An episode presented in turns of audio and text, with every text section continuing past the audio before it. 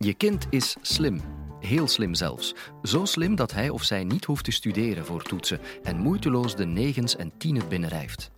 Na die eerste rooskleurige jaren beginnen ouders zich vaak zorgen te maken, want niet alles in het leven zal moeiteloos blijven gaan. Experte hoogbegaafdheid Tessa Kieboom legt het belang uit van de ontwikkeling van mentale weerbaarheid en hoe jij dat als ouder kan faciliteren. Ben je soms lui omdat je te slim bent? Dit is de Universiteit van Vlaanderen.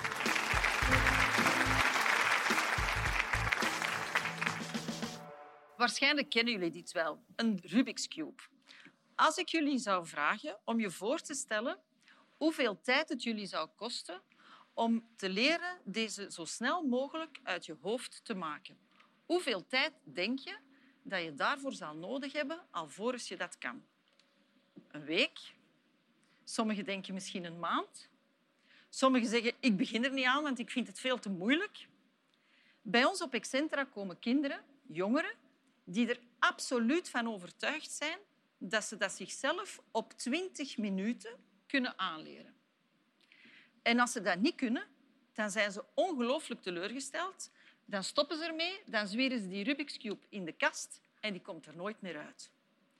Dat betekent helemaal niet dat die kinderen dat die een beetje overmoedig zijn of zo. Helemaal niet. Het zijn juist vaak slimme kinderen.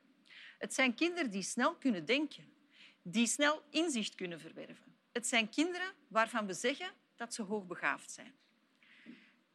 En als we dan kijken naar de normaalverdeling van intelligentie, dan weten we dat er sprake is van hoogbegaafdheid vanaf een IQ van 130 of meer. Het zou veel te kort door de bocht zijn als we hoogbegaafdheid zouden reduceren tot alleen een sterke intelligentie of sterk cognitief functionerend. Hoogbegaafdheid heeft een impact op wie je bent als mens. En een vergelijking zal u dat heel snel duidelijk maken. Neem bijvoorbeeld een kind van acht met een IQ van 70, wat eigenlijk de andere kant van die curve is. En een kind met een IQ van 70, als ik daaraan vraag wat het zich voorstelt bij de brexit, dan zal het kind het antwoord op die vraag moeten schuldig blijven. En we vinden dat logisch, want we weten dat naarmate intelligentie afneemt, het bewustzijn beperkter wordt. Maar een heel aantal maanden geleden had ik een meisje bij mij van acht met een IQ van 130 en ik vroeg haar wat ze zich voorstelde bij de brexit. En ik kreeg zo'n boek aan vragen en zorgen. Ze wilde weten of dat je nog wel op citytrip kon gaan naar Londen. Ze wilde ook weten of dat er nog wel Rolls-Royces op onze wegen zouden rijden. En wat ze vooral niet goed begreep, dat is dat mensen een referendum houden op zo'n moeilijk thema als een brexit. Doe dat voor het aanleggen van een verkeersdrempel in uw straat, zei ze, maar toch niet voor een brexit. En deze kinderen die hebben, naarmate dat intelligentie toeneemt, een versterkt bewustzijn. En die kinderen die zijn mij niet zo heel weinig. Er zijn er meer dan 55.000 in België alleen. Dat betekent minstens één in elke klas. Je zou kunnen denken dat als deze kinderen zo sterk zijn, als ze zo snel inzicht hebben, dat ze zoveel weten, dat het eigenlijk kinderen zijn die heel makkelijk de dingen onder de knie krijgen. Die niet veel moeite moeten doen om hele goede punten neer te zetten, om diploma's te halen en om succesvol te zijn. En dat is een hele grote denkfout. De realiteit is vaak helemaal anders dan wat algemeen wordt aangenomen. Stel je voor dat je een kind in huis hebt dat niks moet doen voor school. Dat betekent dat het thuiskomt, zijn boekentas in de hoek zwiert, niks doet, in de tuin gaat spelen en morgen met twee vingers in de neus prachtige cijfers haalt. In het begin vind je dat als ouder eigenlijk wel leuk. Maar na een tijdje begint u daar toch wel een beetje vragen over te stellen. Want je stelt u eigenlijk de vraag of dat, dat eigenlijk wel oké is dat je kind zo weinig moeite moet doen. En je krijgt eigenlijk een beetje schrik dat je kind niet lui zal worden. Want elke ouder weet dat vroeg of laat leerstof moeilijker wordt. Je weet ook dat je vaardigheden onder de knie moet krijgen, zoals bijvoorbeeld de Rubik's Cube, dat niet op 1, 2, 3 gaan lukken. En dat betekent dat daar een groot probleem naar voren komt, want ouders weten dat hard werken nodig is om uiteindelijk ergens te geraken.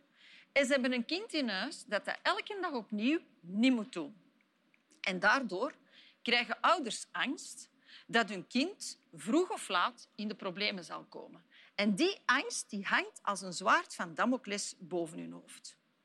En die angst zorgt ervoor dat ze bij die kinderen al van in de lagere school achter hun veren beginnen te zitten. Ouders kunnen niet geloven dat deze kinderen al na tien minuten klaar zijn met hun huiswerk.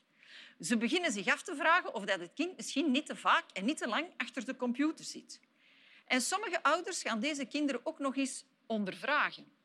En expres moeilijke vragen stellen. Omdat je als ouder zou kunnen bewijzen, zie je wel, je doet niet genoeg moeite. En uiteindelijk gaat die angst alleen maar verder gaan.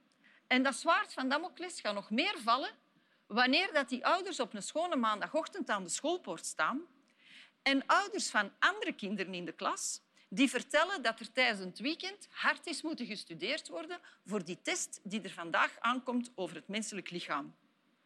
En die ouders denken na over hun weekend en die hebben zoiets... Oh, en ons dochter heeft alleen maar lui lekker in de zetel gehangen. Op dat moment weten ouders, vroeg of laat gaat dit tot grote problemen leiden. En ze hebben ongelooflijk veel schrik voor dat eerste slechte cijfer. En sowieso gaat dat eerste slechte cijfer eraan komen. Meestal is dat ergens in de loop van de middelbare school. En dan is het hek helemaal van de dam. Want hebben ouders het gevoel dat datgene waar ze altijd voor gevreesd hebben, dat dat zich nu heeft voorgedaan. De verwijten die ouders weliswaar heel goed bedoeld dan naar het hoofd van hun kind slingeren, die willen we eigenlijk niet horen. We hebben altijd al gezegd dat je het niet kunt. Je ziet het nu wel. Je doet je best niet. Je hebt een slecht cijfer. Niet moeilijk. Je steekt geen tijd in studeren. Je zit altijd achter je computer. Je doet nooit moeite. We hebben het al zo dikwijls gezegd. Jij, als het zo voortgaat, dan word jij nog een dikke, vette luiaard. En wat mij elke keer opnieuw opvalt, is dat ouders zich zo weinig de vraag stellen wat dat eerste slechte cijfer met het kind doet. Want dat kind is niet gewoon om slechte cijfers te halen. En die vindt dat heel vreemd, want die werkt in de middelbare school harder dan in de lagere school en toch gaan die punten achteruit. Dus dat kind voelt zich ook heel erg onwennig. Die weet ook niet goed wat hij moet doen. Die heeft daardoor ook het gevoel dat hij waarschijnlijk eh, niet zo heel goed bezig is. En zijn zelfvertrouwen gaat pijlsnel naar beneden. En finaal heeft dit kind het gevoel misschien ben ik wel een luiaard. En self-fulfilling prophecy is uiteindelijk een feit. De hamvraag die we ons nu moeten stellen is...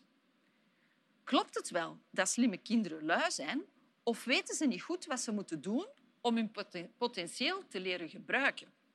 En om daar een antwoord op te kunnen geven, gaan we eventjes een zijsprongetje maken naar een ander talent. En we nemen Jeff. En Jeff is een jongetje van zes en hij kan ongelooflijk goed tennissen.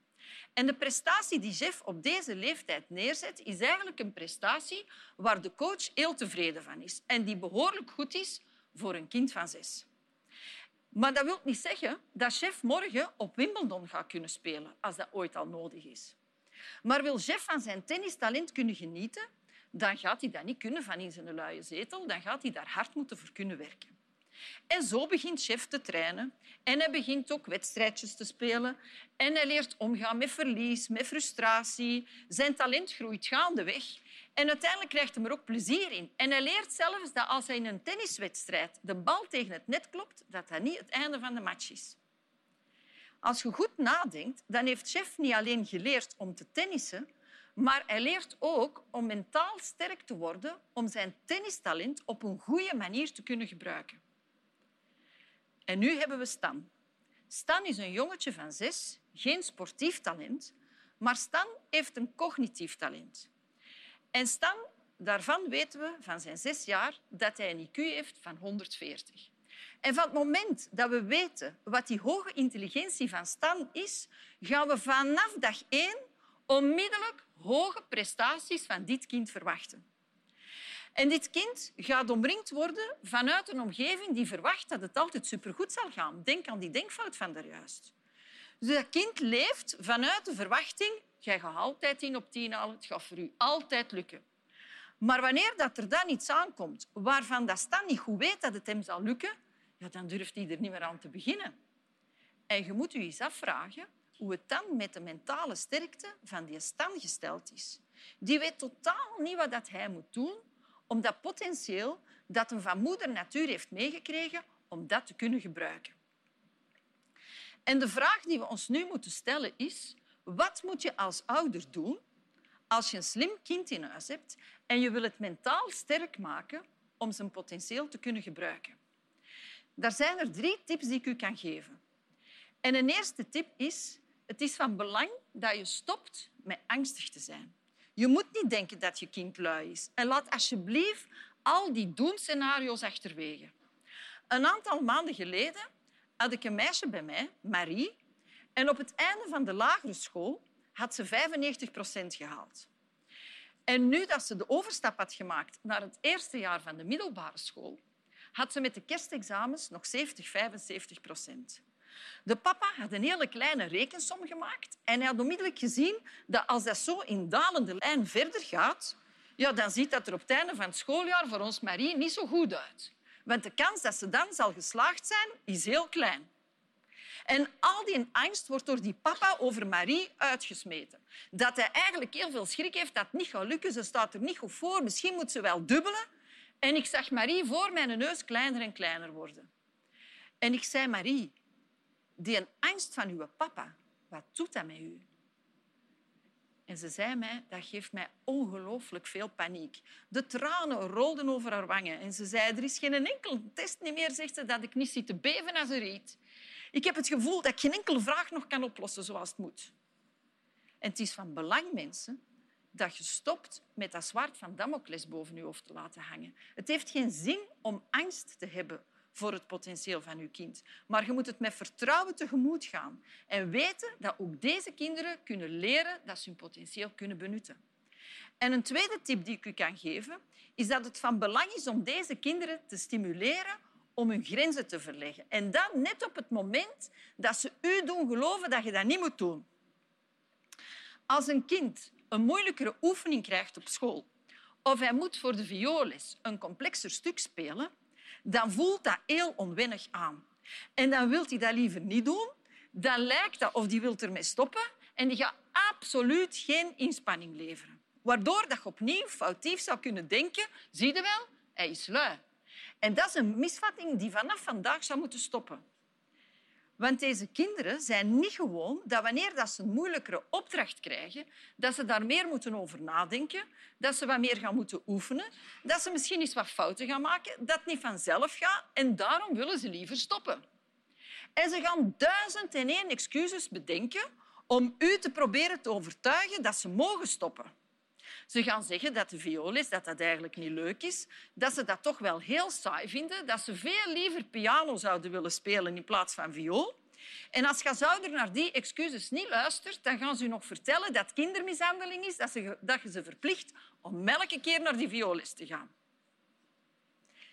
En te vaak laten wij als ouder deze kinderen stoppen, net op een moment dat ze moeite moeten doen en leren falen en leren doorzetten er eindelijk bij begint te horen. En we gaan ze dus niet mentaal sterk maken door ze altijd te laten doen wat ze al kunnen. En dat is niet alleen voor slimme kinderen zo, dat is trouwens voor alle kinderen zo. En een derde tip die ik u zou willen geven is dat we moeten leren aan slimme kinderen dat iets bereiken tijd kost. En hoogbegaafde kinderen ervaren dat te weinig. Want door het feit dat we ze te lang makkelijke leerstof geven, hebben ze het gevoel dat ze de dingen flitsend snel kunnen. En dat is een automatisme dat ze zichzelf aanleren. En als je dan iets geeft dat ze niet flitsend snel kunnen, dan oordelen ze dat ze het nooit gaan kunnen. En dat is de reden waarom dat er slimme kinderen zijn die denken dat ze dat op 20 minuten moeten kunnen oplossen. En als dat niet lukt, dan zien we die kubus nooit meer terug. Dat betekent in feite dat wanneer dat we deze kinderen moeten leren hun potentieel te ontwikkelen en mentaal sterk te maken, dat zij ook moeten weten dat tijd, oefening, doorzetting en discipline er doodgewoon bij horen. En je kunt dat als ouder aanleren met hele simpele huistuin- en keukentechnieken. Zelfs met een kind van vier, vijf jaar dat u vraagt of dat het mee mag helpen in de tuin. Dat is een superkans die je moet grijpen. Want je gaat met je kind afspreken wat je in de tuin verwacht dat hij zal doen. En hij mag pas aan iets leuks beginnen als hij doorgezet heeft en de gemaakte taak, de afspraak die daar rond gemaakt is, heeft afgewerkt. En dan mag je hem leuke, plezante dingen gaan doen. En op die manier zal dit kind geleerd hebben dat onkruid bieden dat dat tijd kost.